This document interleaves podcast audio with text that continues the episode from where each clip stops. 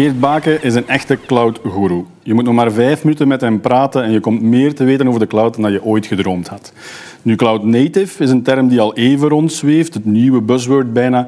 En heel wat bedrijven weten dat ze iets met dat cloud native moeten doen, maar wat en hoe? Geert toont ons de weg. Dag Geert. Hey, dag Jocke. Welkom in de Lighthouse. Dank je. Heb je hem goed gevonden en wat vind je ervan? Super en heel goed gevonden. Oké, okay, perfect. Zeg Geert, eh, jij doet al ja, even wat met cloud-technologie. Wat doe je vandaag de dag zoal? Ik begeleid klanten die uh, een, die journey maken, die reis maken naar, uh, naar de cloud. Uh, in veel gevallen ook die cloud-native technologie willen aanwenden om ja, toch wel een business beter te ondersteunen. het gaat hem niet om de applicaties natuurlijk en om, en om de infrastructuur, maar ze zoeken manieren om sneller een, een, antwoord te bieden op wat hun interne en externe klanten eigenlijk vragen. Oké, oké. Ja, cloud-native, we kunnen er niet omheen. Het heeft bijna DevOps van zijn troon gestoten als nieuwe buzzword. Maar cloud native, wat is dat eigenlijk? Ja, het is een beetje een moeilijke term, uh, een beetje een verwarrende term ook soms wel. Uh, waarom? Omdat heel wat mensen cloud native ja, vinden gewoon dat is, dat is gewoon de cloud. Hè. Wat we vandaag doen in de cloud met infrastructuur en networking en applicaties en PaaS enzovoort. Dat het allemaal ja, als het ware uh, in één potje uh, gestoken. En dat is dan cloud native. Terwijl er een, ja, een andere groep is, of een ander begrip is, die dan meer in de richting gaat van alles wat met containerisatie containerisatie te maken heeft, Kubernetes en dat soort van, dat soort van technologie. Um, maar ik vat het meestal samen als gewoon een manier om, om applicaties in dynamische omgevingen op de best mogelijke manier te bouwen. Hmm. Uh, dat is natuurlijk heel ruim, um, maar daar, uh, daar kan je toch wel heel wat, uh, heel wat mee. Oké, oké. En waarom moet ik als bedrijf of als beslissingsnemer dan effectief wakker liggen van dat cloud native?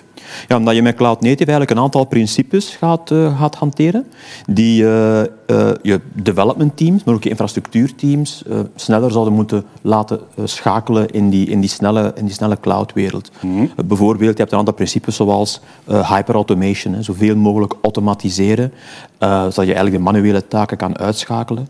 We denken ook aan orchestratiesystemen. Dat zijn eigenlijk systemen die heel wat werk uh, uit je eigen handen nemen en zelf voor jou gaan regelen. Uh, maar dat zijn dan meer de, de technische, de technische uh, aspecten. Mm -hmm. Ook een aantal culturele aspecten, zoals bijvoorbeeld teams voldoende zelfstandigheid geven om hun oplossingen te bouwen en te ondersteunen. En ook om je strategie bij, te, bij te sturen wanneer het nodig is. En dat je je niet vastpint op één lange termijn strategie. Dus bijsturen waar nodig. Hmm, Oké. Okay. Um, dus het is wat de, aan, de, aan de hardere technische kant, zeg ik maar zeggen, maar ook aan de zachtere, meer uh, ja. agile en, en samenwerkende kant. Uh, is cloud native iets dat van, van Microsoft komt of is dat iets agnostisch? Of? Nee, dat is inderdaad een brede term. Maar wat je natuurlijk wel ziet, is dat bedrijven die op die cloud native kar springen en meer de interpretatie eraan geven van containers en Kubernetes, uh, wel heel sterk kijken naar bijvoorbeeld de Cloud Native Computing Foundation, ah, okay. CNCF. Dat is een onderdeel van de, van de Linux Foundation.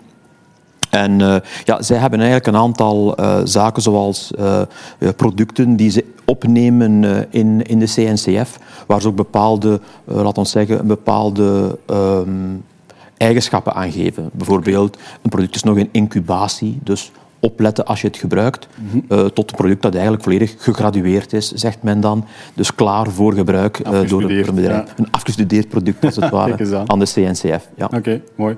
En ik, ik, hoor dan de Linux Foundation, Microsoft. Zijn er nog andere spelers in de markt die daar sponsor in zijn of mee aan die kaart trekken? Of? Ja, ik zou zeggen bijna iedereen. Hè. Ah, dus okay. uh, bijna elke vendor uh, die er vandaag is, uh, de grote cloud-vendoren, dus ja, Amazon, Google, dergelijke meer, komt eigenlijk van overal. Hmm. Dus het is een zeer breed aanvaard iets in, in de te technologiewereld.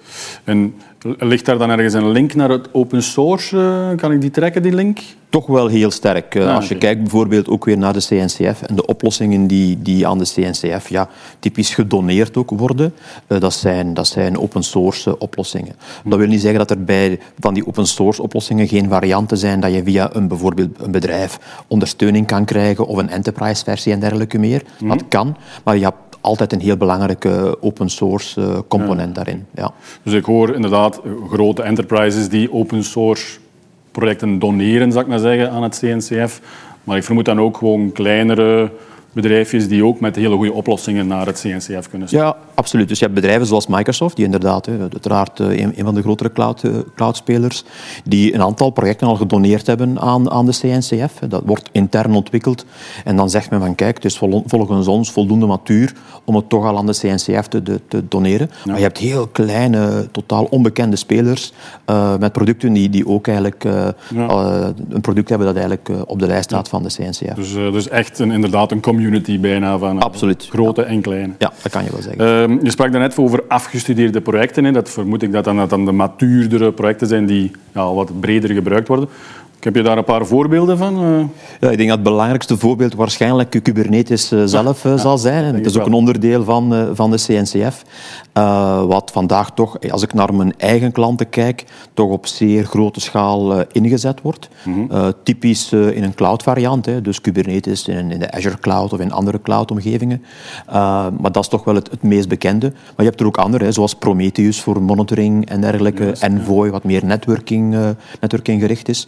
Dus een aantal van die bekende namen, uh, die toch wel in de cloud-native wereld veel gebruikt worden, uh, die zijn inderdaad deel van die afgestudeerde producten. Ja, ja. Dus er zullen waarschijnlijk projecten zijn waar je een afgestudeerd project van CNCF gebruikt of een cloud-native product gebruikt, maar dat je het misschien zelfs niet weet dat je het gebruikt. Oh ja, dat, dat kan best zijn. Het kan best zijn dat je inderdaad, omwille van het feit dat je via een cloud vendor werkt en die cloud vendor gebruikt dan misschien dat product, hè, want dat kan mhm. perfect. Uh, dat je het misschien niet beseft uh, dat je met, een, met iets van de CNCF uh, okay. aan het werken bent. Of iets wat door de CNCF wordt, als het ware, ja, beheerd en ondersteund. Ja, ja. super interessant. Ja, hey, mij heb je overtuigd. Hè. Um, als ik nu op een applicatielandschap zit en ik zeg, ja, ik wil dat toch wel meer cloud native en zien of ik daar toch geen gebruik van kan gaan maken, van al, die, al dat moois. Hoe begin je daaraan? Ja, het is zeker een, een, belangrijk aspect, is zeker en vast om het niet als een de facto standaard te zien van ik moet het op die manier gaan, gaan, uh, gaan implementeren. Dus we, komen wel eens een, uh, in, in, de praktijk bij, bij een klant of bij, bij een bedrijf of, of, bij developers die eigenlijk zeggen van kijk, we gaan het op die manier doen, want dat hoort zo. We moeten Kubernetes hebben, we moeten containers hebben, we moeten dat via al die, al die cloud-native producten gaan implementeren. Wat wij daar meestal zeggen is, ja nee, stapje terug nemen. Hè. Even kijken naar, ja, wat zijn nu eigenlijk de business requirements die je hebt en zijn er geen ja, nog makkelijkere oplossingen die je kan inzetten om je doel te, te bereiken? Want er is toch wel één ding dat ik moet zeggen, is dat inderdaad in dat cloud-native gebeuren, rond Kubernetes, containers enzovoort, ja, de leercurve is er toch, is er toch wel. Uh, het heeft een, een vorm van complexiteit.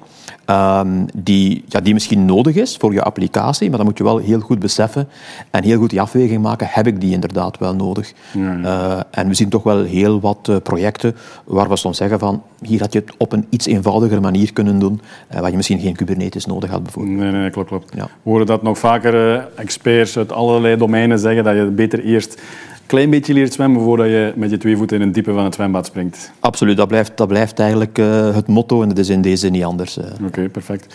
Ja, Geert, uh, super bedankt. weer een beetje duidelijker voor mij in het cloud native landschap. En tot de volgende keer alvast. Graag gedaan. En dit was weer een aflevering van The Lighthouse.